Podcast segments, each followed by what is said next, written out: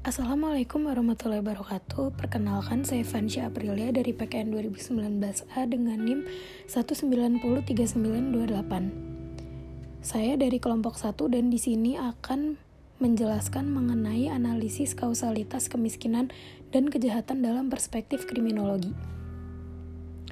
Kemiskinan merupakan ketidakmampuan untuk memenuhi standar minimum kebutuhan dasar yang meliputi kebutuhan makanan maupun non-makanan. Penduduk miskin adalah penduduk yang berada di bawah suatu batas atau disebut sebagai garis kemiskinan.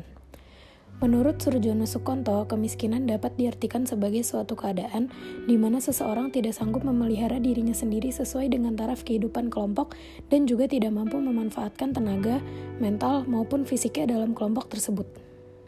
Selanjutnya, terdapat kohesi antara tingginya angka kemiskinan yang menyebabkan tinggi pula angka tindak kriminalitas.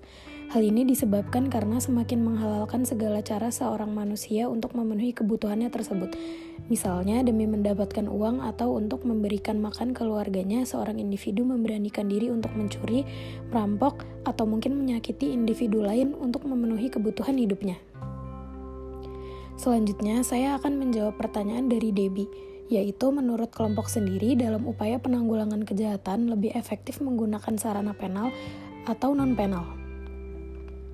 Penal polisi atau kebijakan penal sendiri merupakan bentuk penanggulangan kejahatan yang menitik beratkan pada tindakan represif setelah terjadinya suatu tindak pidana. Sedangkan non-penal policy atau kebijakan non-penal adalah menekankan tindakan preventif sebelum terjadinya suatu tindak pidana. Menurut kelompok satu sendiri, penanggulangan kejahatan lebih efektif menggunakan sarana non-penal, karena terkadang beberapa orang yang telah melakukan kejahatan dan akhirnya dijatuhi hukuman, di mana penanggulangan ini merupakan sarana penal dirasa kurang efektif karena para pelaku tidak merasakan efek jerah, sehingga akan mengulangi suatu kejahatan kembali. Sedangkan jika menggunakan sarana non-penal atau menekankan tindakan preventif atau dalam kata lain yaitu mencegah terjadinya kejahatan, maka seharusnya kejahatan itu tidak akan ada. Contohnya, akan lebih efektif jika suatu wilayah diawasi oleh seorang pengaman atau satpam, sehingga pencuri pun akan enggan untuk mencuri di wilayah tersebut. Sedangkan ketika suatu wilayah tidak diawasi oleh seorang pengaman, maka pencuri akan mudah masuk dan melakukan tindak kejahatan. Sekian yang dapat saya sampaikan. Mohon maaf bila ada kesalahan.